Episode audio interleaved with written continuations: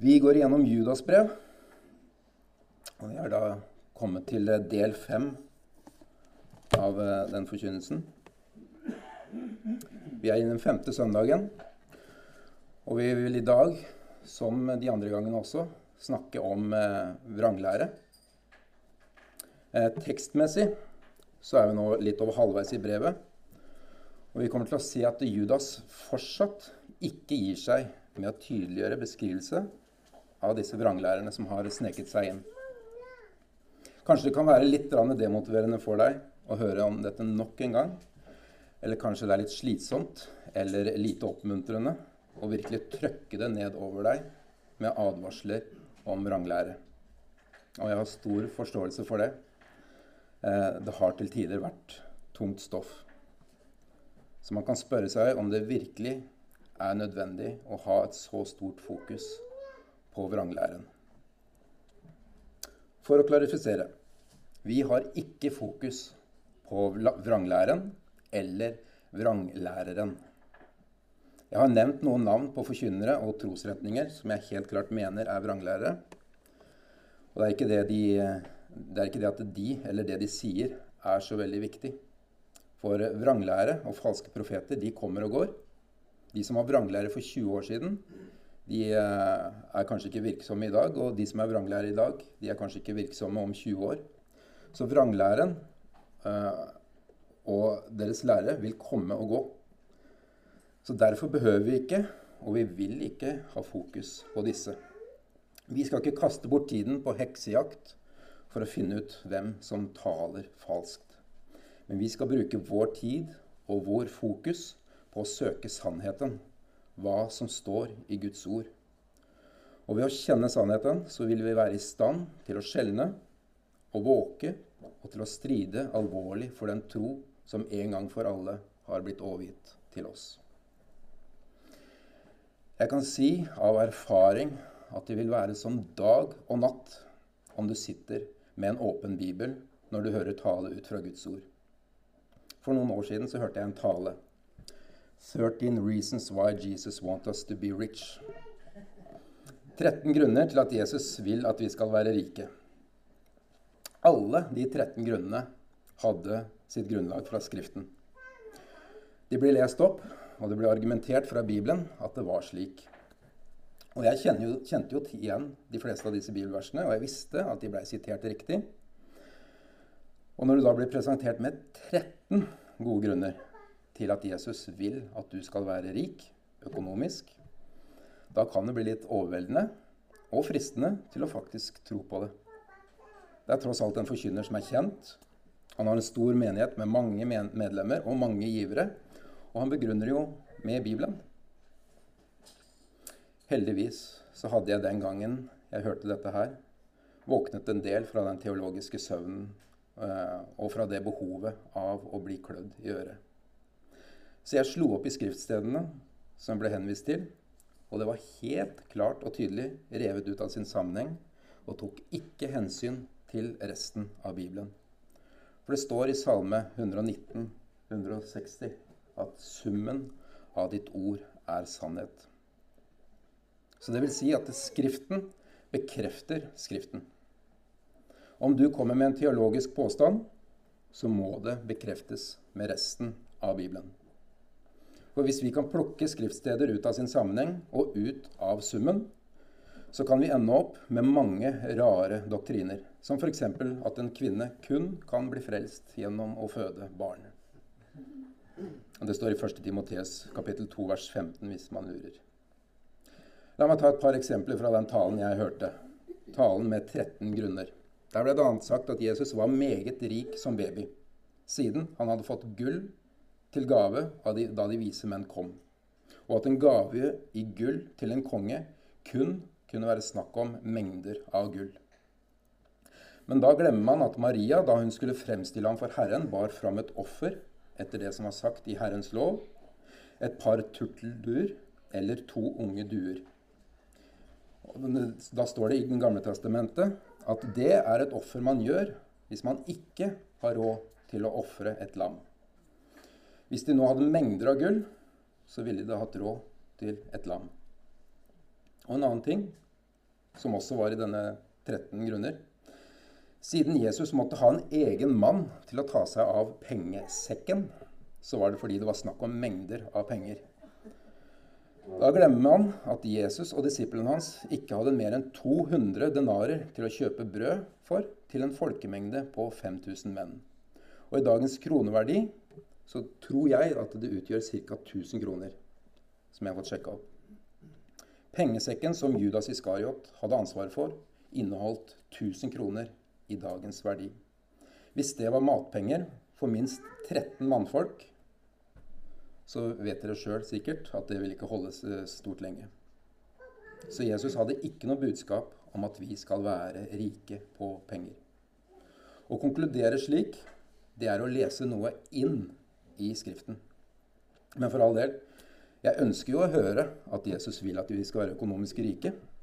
Så et slikt budskap klør meg jo absolutt i øret. For jeg har mange ting jeg kunne ha brukt disse pengene på.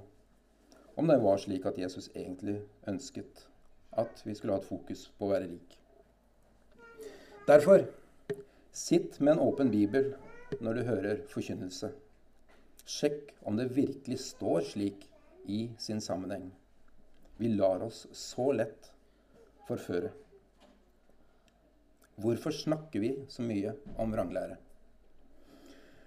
For noen søndager siden så ga Bob en liten rapport om hvordan det står til i statene. Eh, Eh, hvor det er en større bekymring med flere som søker mot eh, disse megakirkene. Og der underholdning ofte står i fokus, og hvor budskapet har blitt utvannet for å ikke provosere eller å være til ubehag, men heller være noe som klør i øret.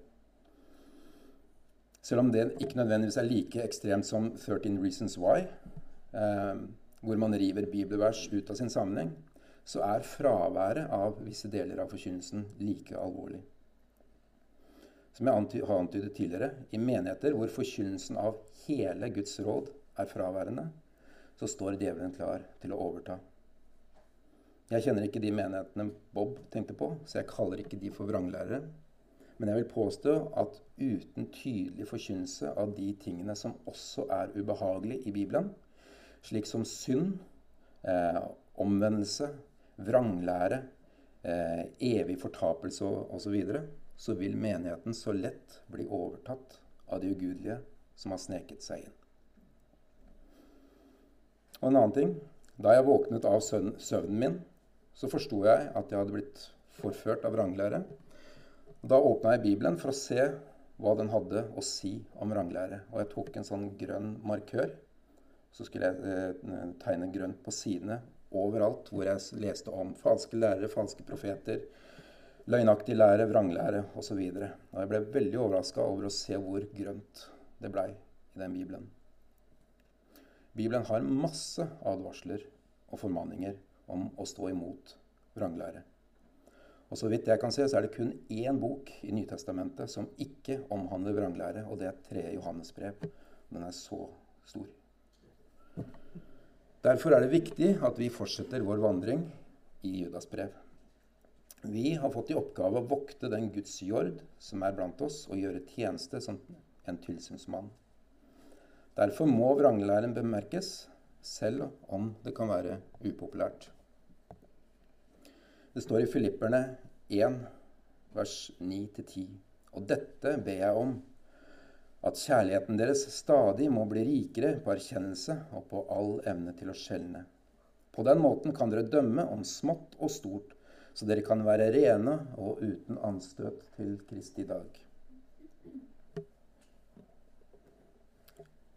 Vi skal lese hele Judas brev, men først la oss be. Kjære Gud. Jeg er helt avhengig av deg og din ledelse ved Den hellige ånd til å forkynne over dette alvorlige temaet. Jeg ber om at du må hjelpe meg til å forkynne det som er rett, og jeg ber om at du må hjelpe meg til å la være å si de ting som ikke er rett. Jeg ber også om at du hjelper de som hører på, at du gir dem den evnen til å skjelne og se hvis jeg taler feil, Herre. Hvis jeg ikke taler noe som eh, er fra deg, og som har med Bibelen å gjøre. Jeg ber også om at du gir dem frimodighet eh, til å konfrontere. Kjære Gud, vi ønsker på alle områder, i alle ting, å gi deg ære og følge deg under alle omstendigheter til enhver tid, uansett hvor vanskelig det måtte være. Men du må gi oss styrken til det, Herre. Jeg ber om det i Jesu navn. Gi meg styrke nå som jeg skal tale, og gi meg frimodighet til å, å si tingene slik det er. I Jesu navn. Amen. Vi leser hele Judas brev og skal i dag fokusere på vers 12 til 19. Så det blir en mye større bolk enn det vi har gjort hittil. Judas, Jesu Kristi tjener og Jakobs bror til dem som er kalt, helliget av Gud Fader og bevart i Jesus Kristus. Må miskunn, fred og kjærlighet bli dere rikelig til del.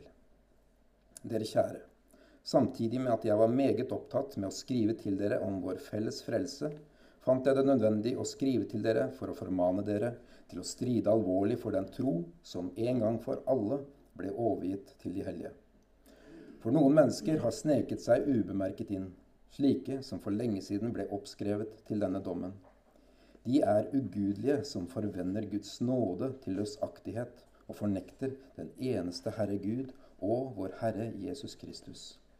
Men selv om dere en gang har fått vite om dette, vil jeg minne dere om da Herren hadde frelst folket ut av landet Egypt, utslettet han etterpå dem som ikke trodde.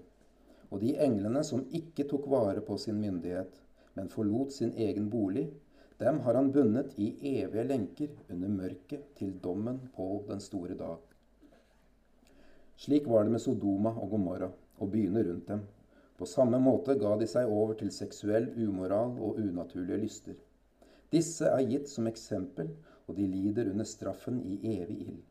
Disse drømmerne besmitter også kroppen på samme måten. De forkaster myndighet og spotter de høyere makter. Men ikke engang erkeengelen Mikael, da han stred med djevelen og trettet om kroppen til Moses, våget å bære fram en spottende anklage. Men han sa, Herren refse deg. Men disse spotter det de ikke kjenner, og alt det de forstår på en naturlig måte, som de ufornuftige dyr. De bruk, det bruker de bare til å forderve seg selv. Ved dem, for de har gått inn på Kains vei, grådige har de styrtet seg ut i Biliams villfarelse for vinnings skyld, og de har gått til grunne ved Koras opprør. Disse er skamflekker ved kjærlighetsfestene deres. Mens de fryktløst fester sammen med dere, tjener de bare seg selv. De er skyer uten vann som blir drevet omkring av vindene, sene høsttrær uten frukt, to ganger døde, revet opp med røttene. De er som brusende bølger på havet, som skummer av sin egen skam. De er som flakkende stjerner som til evig tid bare har det dypeste mørket i vente. Enok, den sjuende fra Adam, profeterte også om disse menneskene og sa:" Se, Herren kommer med titusener av sine hellige for å holde dom over alle, for å refse alle ugudelige blant dem for alle deres ugudelige gjerninger, som de har begått på ugudelig vis, og for alle de harde ord som de ugudelige syndere har talt imot ham. Disse er slike som knurrer, klager og lever etter sine egne lyster, og de taler store og stolte ord med sin munn og smigrer folk for å oppnå fordeler. Men dere, kjære, husk de ord som før ble talt ved vår Herre Jesu Kristi apostler, at de sa til dere at i de siste tider kommer det spottere som lever etter sine egne ugudelige lyster. Disse er sanselige mennesker som forårsaker splittelser, og de har ikke ånden. Som ikke har ånden. Men dere, elskede, idet dere oppbygger dere selv på deres høyhellige tro, idet dere ber i Den hellige ånd, hold dere i Guds kjærlighet, og vent på vår Herre Jesu Kristi barmhjertighet til evig liv. Og det er noen dere skal ha barmhjertighet med. Her må dere skjelne. Men andre skal dere frelse med frykt idet dere river dem ut av ilden og hater selv det klesplagg som er smittet av kjøttet. Men Han som har kraft til å bevare dere fra å snuble og til å framstille dere ulastelige framfor sin herlighet med umåtelig glede, Gud, vår frelser, som alene er vis, skal ha ære og majestet, herredømme og makt, både nå og i alle evigheter. Amen.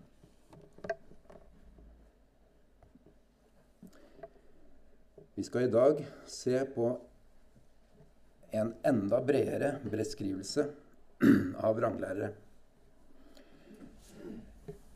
Jeg vil eh, ta med et par eksempler til, som jeg gjorde i stad med det å ta eh, teksten ut av sin sammenheng, eh, slik jeg demonstrerte. Og det å lese sin forutinntatthet inn i teksten. Og Vi skal se på et sitat fra nok en ikke-bibelsk bok, som er første Enoks bok. Vi går fortsatt gjennom vers for vers, og begynner i vers 12, hvor det står at disse er skamflekker ved kjærlighetsfestene deres. Og hva menes med det? Hva er kjærlighetsfestene, og har vi det? Ja, vi har det. Vi har det vi kaller den vertikale dimensjonen, som går opp mot Gud, som vi kaller det for nattverd. Og så har vi den horisontale dimensjonen, som er den vi har sammen når vi deler måltid etter forkynnelsen, men som fortsatt er en del av gudstjenesten. Det er ikke mat etter gudstjenesten. Det er en del av gudstjenesten. På samme måte så er det også med lovsang. Den er ikke atskilt fra gudstjenesten. Talen, skriftlesning, åpning, vitnesbyrd, bønn, alt sammen er en del av lovprisningen. Alt som tjener Gud og gir ham ære når vi er samlet under ordnende forhold, det er gudstjeneste. Da har vi samfunn med hverandre. Og måltider har alltid vært et samlingspunkt i de fleste kulturer, hvor vi deler med hverandre og viser kjærlighet. Er det noen her da som ønsker å la skamflekker få lov til å delta ved våre bord? Gir det Gud ære? Det er ikke slik at disse skammer seg selv. Nei, de er skamflekker for oss om vi lar dem forbli der. Det står i 1. Korinterbrev, kapittel 15, vers 33.: Far ikke vil, slett selskap forderver gode vaner. Disse skamflekkene er disse som kaller seg kristne, de som later som om de tilhører fellesskapet av troende, men lever i bevisst synd. Et slikt menneske skal du avvise etter å ha formant ham både én og to ganger. Og slike skal du trekke deg unna, står det også. Og i 1. Korinterbrev, kapittel 5, vers 11, står det Men nå skrev jeg til dere at dere ikke skal ha samfunn med noen som kalles en bror, og som lever i hor, eller som er grådig, eller er en avgudsdyrker, eller en spotter, eller en drukkenbolt, eller en pengeutpresser, at dere ikke engang skal spise sammen med en slik person. I sammenhengen her så snakker Paulus om at det ikke gjelder de som lever ute i verden. Så Derfor sier vi velkommen til de som ikke er frelst. En synder som trenger til omvendelse, er hjertelig velkommen til vårt bord og til våre møter. Jeg ønsker ikke å dele måltid på gudstjenesten med en slik som taler åpent løgn om Gud, som har gått inn på Kains vei og forkynner frelse ved gjerninger, og som har styrtet ut i Biliams villfarelse for vinnings skyld, og taler hva enn folk vil høre på for å tjene penger, eller som har gått til grunne ved Koras opprør og med det setter seg opp mot lederskapet. Skulle jeg latt mine barn få se at man, til, man kan tillate en slik liberal livsstil, og fortsatt få ta del i godene eh, av et trygt fellesskap som vi nyter? Jeg kan ikke det. Jeg kan ikke tillate at noen som kaller seg en kristen, som lever i bevisst synd og ikke vil omvende seg, skal få lov til å ta del med oss i kjærlighetsfestene våre. Jeg tror det at å dele måltid med en slik person i en slik setting, er å anerkjenne den fordervede veien som de har valgt. Det står i 2. Tess, Tessaloniker, kapittel 3, vers 14-15. Hvis noen ikke adlyder vårt ord i dette brevet, så merk dere hvem det er, og ha ikke fellesskap med ham, for at han kan skamme seg Hold ham likevel ikke for en fiende, men forman ham som en bror. Så om vi kaster ut noen, så er det i kjærlighet. Både for den personen og for menigheten. Vi skal ikke holde ham for fiende, men formane ham både én og to ganger, før vi avviser ham. Forhåpentligvis så vil han skamme seg og slik komme til omvendelse. Det er kjærlighet. Og det er også i kjærlighet mot menigheten som blir bevart for den lille surdeigen. Så la oss da ikke blande sammen kjærlighet med aksept. Der tror jeg at mange har bommet kraftig. De tror at hvis man viser kjærlighet til en person, eller at man viser kjærlighet til en person ved å akseptere livsstilen eller løgnen som personen holder fast ved. Nei, Bibelen viser oss at det er kjærlighet å ta avstand fra slike mennesker. Det står i 2. Tessalonikerbrev, kapittel 3, vers 6. Men vi pålegger dere, søsken, i vår Herre Jesu Kristi navn, å ta avstand fra alle søsken som lever upassende og ikke står fast i den overleveringen de mottok fra oss. Det står videre i vers 12 i Judas brev. Der står det mens de fryktløst fester sammen med dere, sammen med dere tjener de bare seg selv. Hvis de fester sammen med oss, dvs. Si deltar i vår gudstjeneste, brødsbrytelse og fellesskapsmåltid, og de gjør dette uten å ha frykt, så kan det se ut som om de har blitt gitt så de har blitt gitt så over til fordervelsen at de ikke lenger bryr seg, eller så har de ikke blitt konfrontert, og derfor tenker at det er greit, det de gjør. Og jeg tror ofte at det er det siste. Om de ikke hadde brydd seg, så tror jeg det hadde vært mye lettere å kaste dem ut. Men det kan være at de bryr seg og ønsker dette fellesskapet vi har. Men de ønsker ikke å omvende seg fra syndene sine. Og om de har sneket seg inn, så har de kanskje opparbeidet seg eh, såpass med anerkjennelse at ingen har tort å konfrontere dem. Eller enda verre at de er familie. Kanskje barn av en leder eller andre respekterte medlemmer. Hva med deg? Hadde du, hadde du, godtatt at noen av dine barn ble satt under kirketukt og kanskje avvist fra dette fellesskapet hvis de hadde fulgt en vranglærers vei? Med fare for å virke kald og kynisk, så håper jeg det. Jeg håper at du hadde stilt deg bak lederskapet om det kom til en slik situasjon. Og jeg tror at det er et valg som du kan gjøre nå, og som er lurt å gjøre nå. Jeg ville i hvert fall valgt lydighet mot Guds ord fremfor å sette familierelasjonen først. Bare husk dette. Det er fortsatt ditt barn. Du skal ikke holde det som din fiende. Mange sekter har tatt dette til det ekstreme og avvist sine barn eller sine søsken eller familierelasjoner fullstendig. Og om de er under 18, så er det fortsatt ditt ansvar, og du skal alltid elske det, og du må huske på å gi mat til dem, og du kan spise sammen med dem hjemme. Men som det står videre i vers 12, de tjener bare seg selv. De er egoister. Vi er kalt til å tjene hverandre og jeg er kalt til å tjene dere. Det står i 1. Peterbrev, kapittel 5, vers 2. Vokt den Guds jord som er blant dere, og gjør tjeneste som tilsynsmenn. Ikke av tvang, men frivillig. Ikke for skammelig vinnings skyld, men med iver. Disse går bort fra det naturlige, som er å tjene hverandre, og de tenker bare på seg selv. Og Nå kommer vi videre til noe spennende i vers 12. Gud har skapt oss alle forskjellig, med forskjellige evner, gaver og talenter. Og en av de evnene som jeg tydeligvis gikk glipp av da jeg ble født, og som jeg ikke har klart å tillære, tillære meg på skolen, det er å forstå lyrisk, poetisk språk. Jeg liker mer rett uttale og historie. Mens nå så går vi over på poesi. Eller når, når det går over på poesi og dikt, så sliter jeg veldig ofte med å forstå. Men akkurat dette språket her, hvor det går over på lyrisk, så forstår jeg det mye bedre. Fordi det er veldig sier seg selv. Det står De er skyer uten vann, som blir drevet omkring av vindene. Og det ligner veldig på det som står i ordspråkene 25 vers 14.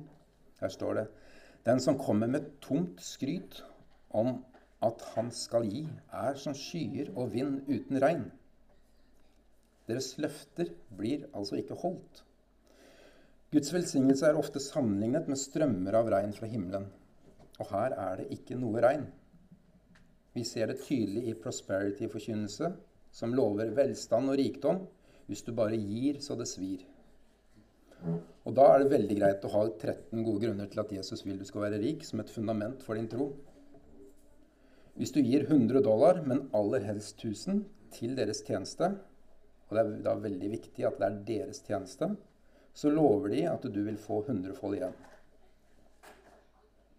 Hva er det virkelige skyer består av? Er det noen som vet det? Hva er det skyer består av? De består av vann. Så skyer uten vann i seg selv er en umulig motsetning som ikke kan eksistere.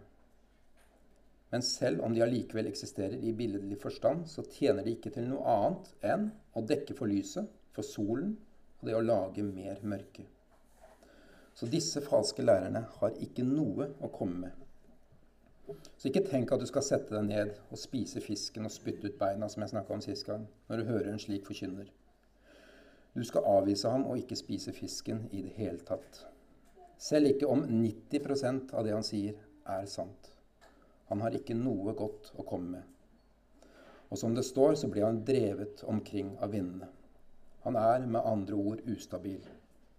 Og det er motsatsen til hva vi skal slik som det står om i Efeserbrevet kapittel 4 vers 11-15.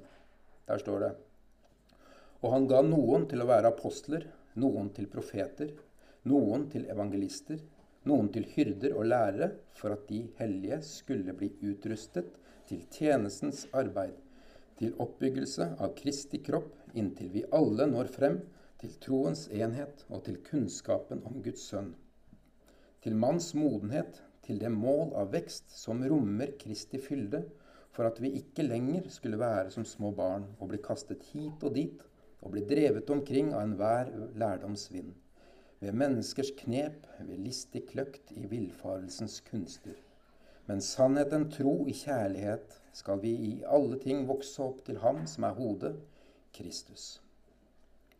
Det står videre i vers 12 i Judas brev sene høsttrær uten frukt, to ganger døde, revet opp med røttene. Et frukttre uten frukt er et dårlig frukttre. De sier seg kanskje selv. Men i lignelsen Jesus forteller i Lukas kapittel 13, vers 6-9, om han som ikke fant frukt på treet sitt, og ba vingårdsmannen om at det skulle hogges ned for å ikke utarme jorden, Vingårdsmannen ba om å få et år på seg for å prøve på nytt. Om ikke, så kunne han hogge det ned.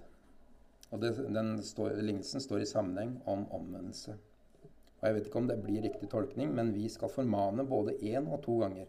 Og det finnes en prosess i forhold til kirketukt som står i Matteus kapittel 18. Så disse falske kristne som er er som et frukttre som ikke bærer frukt, selv ikke etter å ha blitt formant både én og to ganger. De er to ganger døde, revet opp med røttene, slik at de ikke skal utarme jorden. Det står i Matteus kapittel 7, vers 18-20. Et dårlig tre kan heller ikke bære god frukt. Hvert tre som ikke bærer god frukt, blir hogd ned og kastet på ilden. Derfor skal dere kjenne dem på fruktene. Videre står det i Judas brev, vers 13. De er som brusende bølger på havet, som skummer av sin egen skam. De opprinnelige leserne kjenner nok desse, dette igjen fra Jesaja kapittel 57 vers 20. Der står det Men de ugudelige er som det opprørte havet når det ikke kan være stille, og bølgene rører opp gjørme og skitt. Gjørme, skitt og skam. Slik vi så i vers 12, så er de skamflekker. Altså ikke skam i form av at de skammer seg selv. Det er nok heller motsatt, siden de er fryktløse i møte med det guddommelige, og at de frimodig bare tjener seg selv. At de frimodig bare tjener seg selv, kan tyde på at de anser seg selv som ærbare, opplyste og verdige av respekt. Noe de nok også fikk siden de deltok i kjærlighetsfestene våre uten å bli konfrontert. Det er en bølge som også blir kastet hit og dit av vinden. Jeg vet ikke om du har prøvd å stå på, grunn, på, stå på stranda, og det er store bølger. Eh, og prøve å stå stille hvis det er høye bølger som er så store at det bruser over eller slår over. Det er, ikke, det er ikke lett å stå stille og rolig da. Så det er ikke mye positive ordlag som Judas bruker for å beskrive disse menneskene. Videre i vers 13 så står det de er som flakkende stjerner som til evig tid bare har det dypeste mørket i vente. Flakkende er vel heller ikke et positivt ord. Flakkende vil vel si at de ikke er konstante, og faste eller tydelige. De er ikke skinnende. Og kanskje er disse skinnene referert til de falne englene, altså demoner. For Satan ble beskrevet som en strålende stjerne og ønsket selv å stige over Guds stjerner, står om i Jesaja kapittel 14.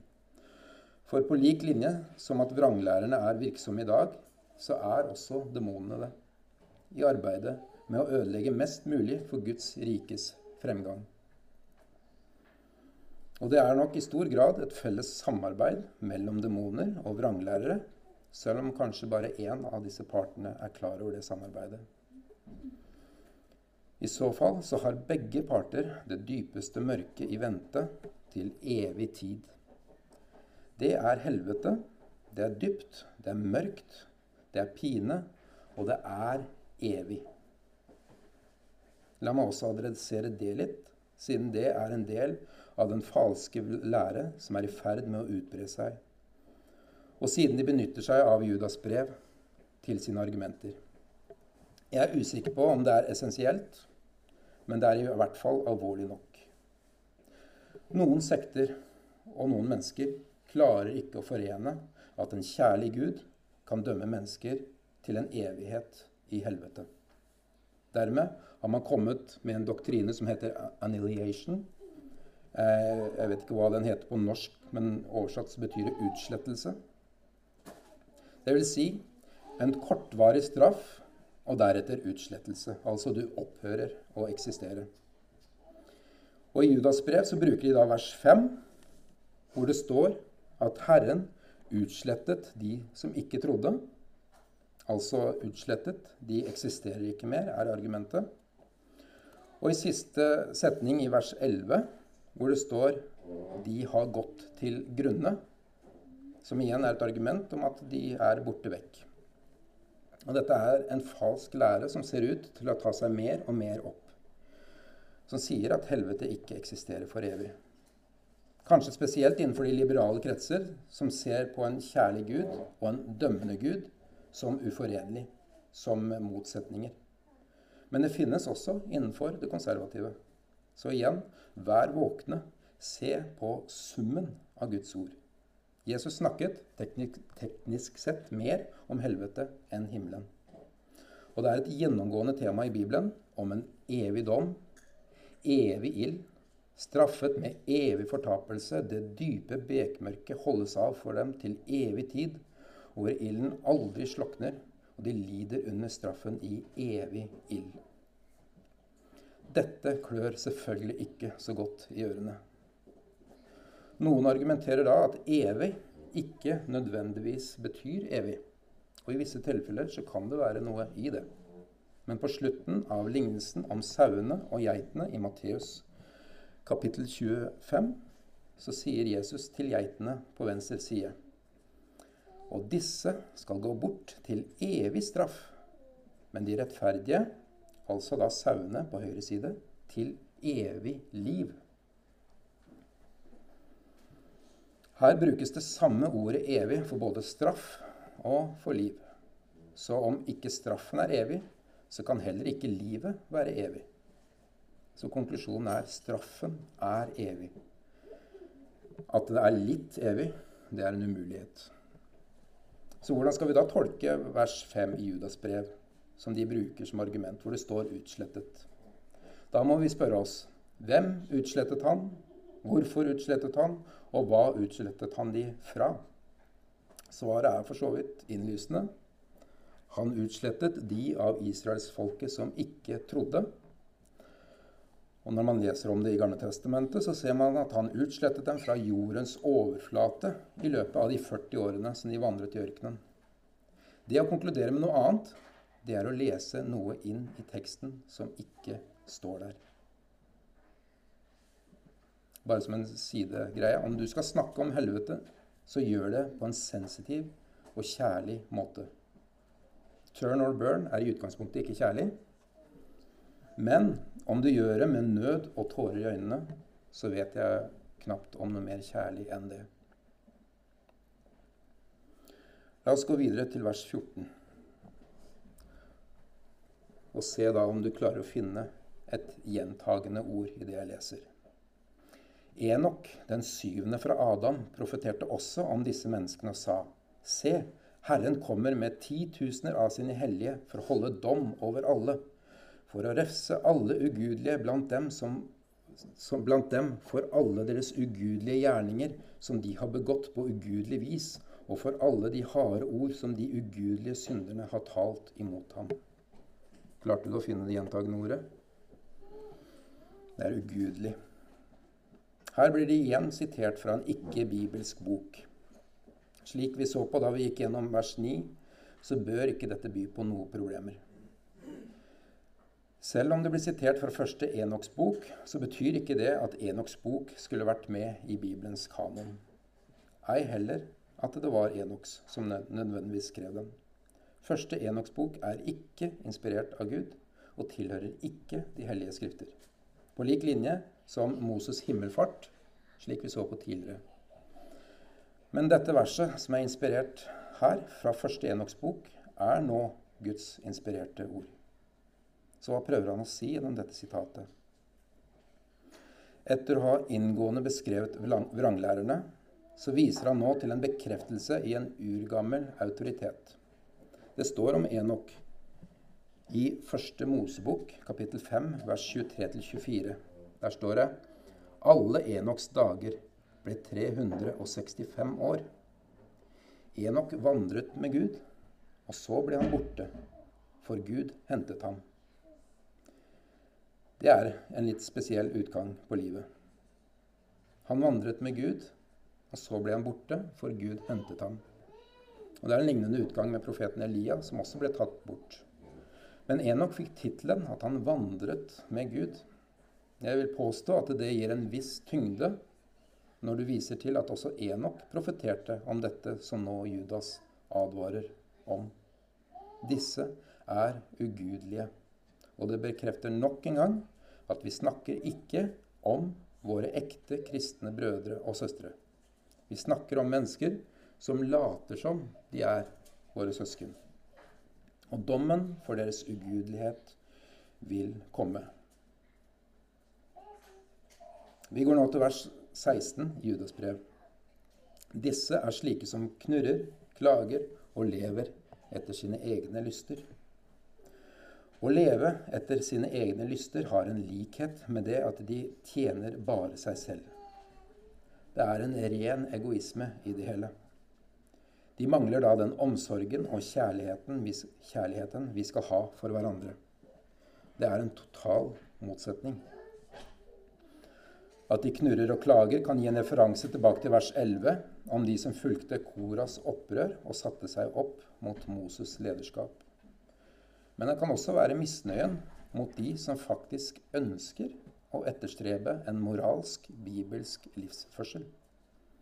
Jo flere som lever i renhet, jo vanskeligere blir det å ikke skille seg ut hvis man lever umoralsk. Det står videre og de taler store og stolte ord med sin munn og smigrer folk for å oppnå fordeler. Jo større ord du bruker med selvsikkerhet, jo mer overbevisende kan man fremstå. Det er det jeg må gjøre med kona mi hvis jeg skal ha noe som jeg ønsker. Og ved å fortelle det som klør i øret, det som folk ønsker å høre, så smigrer man og kan oppnå det man higer etter. Hvilke fordeler kan det være snakk om her? Men foruten grådig økonomisk vinning, så vil det jo være en fordel å få flertallet på sin side. Og om man ikke klarer å få flertallet på sin side, så vil det være en fordel å få de høytstående medlemmene på sin side. Jeg vet ikke helt hvem det skulle være i vår menighet som er høytstående, men Men vit at jo mer vi lærer om vranglærerne ut fra Skriften, jo bedre rustet er vi til å stå imot smigeren. Så ser vi på vers 17 til 19. Der står det:" Men dere kjære, husk de ord som før ble talt ved vår Herre Jesu Kristi apostler at de sa til dere at i de siste tider kommer det spottere som lever etter sine egne ugudelige lyster. Disse er sanselige mennesker som forårsaker splittelser, og som ikke har Ånden. Jesus advarte om disse. Paulus advarte om disse, og apostelen Peter advarte om disse. Og det har ikke endret seg i dag. Vi må fortsatt advare. Det vil komme spottere. Å si at Jesus ikke er Gud, er spott. Å spotte det de ikke kjenner, selv om det er de høyere makter og djevelen, er allikevel til besmittelse for kroppen, som et ufornuftig dyr til sin egen fordervelse. Det vil komme folk som sier de er kristne, men som lever etter sine ugudelige lyster, etter sin, sine kjødelige begjær, og som har gitt seg over til, til seksuell umoral. Og de ønsker av oss og nærmest krever aksept for sin livsstil. Så la oss ha dette helt klart for oss. Disse er ikke kristne mennesker. De er sanselige mennesker som ikke har Ånden, står det. Om du er frelst, så har du Ånden. Om du ikke er frelst, så har du ikke Ånden. Og splittelse vil alltid være et sluttresultat om vi ikke stopper munnen på dem. Om vi inntar en konfliktsky holdning mot vranglære, om vi ikke er nøye på doktrine, om vi velger å se gjennom fingrene på ting, om vi tror at kjærlighet er å akseptere surdeigen, om vi gir etter, trekker oss tilbake og bare håper på det beste, da vil det ende opp med splittelse. Disse menneskene er de som har forårsaket det, men det er du som har tillatt det å skje. Vi går mot en avslutning. Så det jeg håper at du sitter igjen med, er at du ikke bruker tid til å lytte til vranglærere, selv om mye av det de sier, er sant. Det vil si, det vil på mange måter anerkjenne dem og gjøre dem fryktløse sammen med oss, til tross for at de er skamflekker. Bare det at de kaller seg kristne, og er fremtredende, gjør at Guds navn blir spottet blant hedningene. Jeg håper du har forståelse at vranglærere, i den forstand Judas har avslørt, ikke er kristne. De er ikke troende, de er ikke våre brødre og søstre. Men ikke bland det sammen med at så fort noen lærer noe som ikke er riktig, så betyr ikke det at man skal stemples som en vranglærer, slik som det er definert i dette brevet. Husk at Romerne kapittel 12 lar det være rom for forskjeller. Heldigvis for meg, for jeg er rimelig sikker på at jeg har ikke delt med dere fasiten, den enestående fasiten gjennom disse søndagene. Jeg har garantert sagt noe som ikke er riktig. Men det gjør meg ikke til en vranglærer, selv om jeg har lært vrangt. Så jeg tror derfor vi skal være forsiktige med å kaste rundt oss med merkelappen vranglærer. Men vi skal heller ikke være redd for å kalle en spade for en spade. Ikke vær redd for å konfrontere i kjærlighet. La meg ta et personlig eksempel. På lille julaften så hadde jeg en litt på sparket tale herfra. Og i den setningen så brukte jeg et ord som var fullstendig unødvendig å bruke. Jeg visste det allerede mens jeg sto her oppe, for jeg la til er det lov til å si slikt fra talerstolen. Og jeg følte meg kanskje litt hipp som brukte et slikt ungdom, ungdommelig ord. Og etterpå så fikk jeg høre at det ikke var, noe, var, en god opplevelse for noen av de som satt i salen, og det forstår jeg veldig godt. Så poenget mitt med å si dette her er trefoldig. For det første så vil jeg si unnskyld, for jeg visste at det var et unødvendig ord. Og for andre, det viser at jeg har ikke fullstendig kontroll på min tunge. Og det tredje, kanskje det viktigste i forhold til poenget her, er at jeg ble konfrontert. Og jeg ble det på en kjærlig måte, og det setter jeg så umåtelig stor pris på. Og det er det vi bør gjøre med hverandre. I kjærlighet veilede hverandre mot en moralsk sannhet. Det er ikke farlig om det blir pekt på synd i livene våre. Denne gangen tok jeg det veldig fint og tok det til meg med en gang. For jeg visste jo at det ikke var av tro. Men det er ikke sikkert at jeg tar det like bra en annen gang. Det kan hende at jeg tar det fryktelig dårlig. At stoltheten min kommer i veien. Men min reaksjon er ikke ditt ansvar. Du skal være lydig mot Gud og formane i kjærlighet. Så får vi bare håpe og be om at jeg også ser det selv noe seinere. Hvis man vil følge og lyde Gud, så pleier det som regel å gå bra. Hvis du lurer veldig på hva det ordet var, så får du heller spørre meg etterpå, for jeg kommer ikke til å bruke det ordet mer fra talerstolen eller i en vanlig samtale. Jeg håper at du i enda sterkere grad ser behovet for å fylle deg med Guds ord, slik at du vil være i stand til å skjelne og stride alvorlig for den tro som en gang for alle har blitt gitt oss. Judas har avslørt deres metode, oppførsel, motivasjon og umoral. Du har ikke lenger unnskyldning til å ikke være lydig mot Guds ord, og med det konfrontere og avvise slike falske lærere, falske apostler, falske profeter. Så kort oppsummert de er skamflekker som ikke skal være der. De bryr seg bare om seg selv. De er upålitelige med tomme løfter de er uten frukt. De er ikke grunnfestet. De er som falne englene, vaklende og på vei til det dypeste mørket. Det står i 2. Peterbrev kapittel 2 vers 21. For det hadde vært bedre for dem om de ikke hadde kjent rettferdighetens vei, enn å ha kjent den, for så å vende seg bort fra det hellige budet som ble overgitt dem. De vet hvordan de kommer til himmelen, men er ikke villige til å gå den veien i omvendelse. Ingen av disse vranglærerne vil kunne nå frem om du leser din bibel og vi står sammen.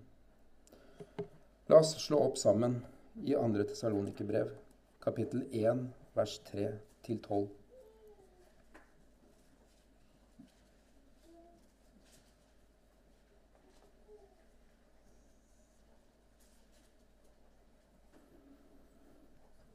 Der står det Vi skylder alltid å takke Gud for dere søsken, som rett er, fordi deres tro vokser rikelig, og i kjærligheten hos hvert enkelt av dere flyter over til de andre.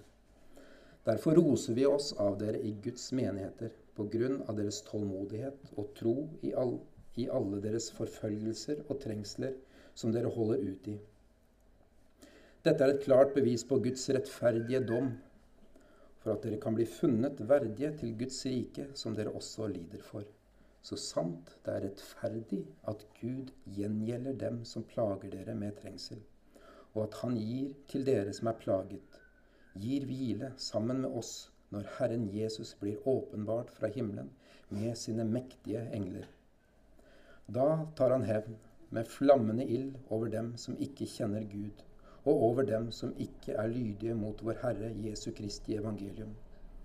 De skal bli straffet med evig fortapelse, borte fra Herrens ansikt og borte fra Hans krafts herlighet.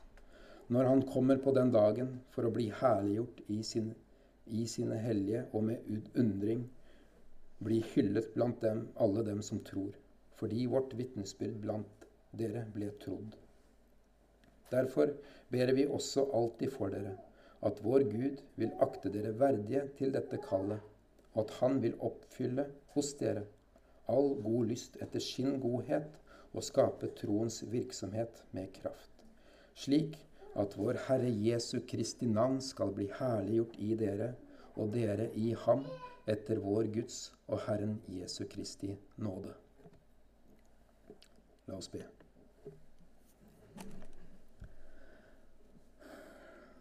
Kjære Gud, takk for ditt ord. Takk for at du har åpenbart deg for oss gjennom Bibelen, og at vi kan få bli kjent med deg gjennom det som blir skrevet. Og at vi gjennom det som har blitt skrevet her sånn, kan bli utrustet og satt i stand til all god gjerning, og til å få evne til å skjelne og til å avvise vranglære. Kjære Gud, gi oss visdom til å vite hvilken vranglære vi skal avvise. Til å vite hvor eh, grensa går. Og til å alltid gjøre det i kjærlighet. Og til å alltid gjøre det for å gi deg ære, Gud. Hjelp oss, Herre, mot vår egen stolthet. Mot å prøve å fremstå som noe vi ikke er. Hjelp oss alltid, Herre, i alle ting, i det å leve et godt kristent liv hvor vi er gode, sunne forbilder. Hjelp oss, Herre, til å alltid tale ditt sanne ord fra denne talerstolen her sånn. Og hjelp og styrk oss alle sammen, Herre, med frimodighet og evne til å konfrontere i kjærlighet. Og Hjelp oss alle sammen, Herre, til å ta imot det på en god måte. Alt til din ære, alltid. I Jesu navn. Amen.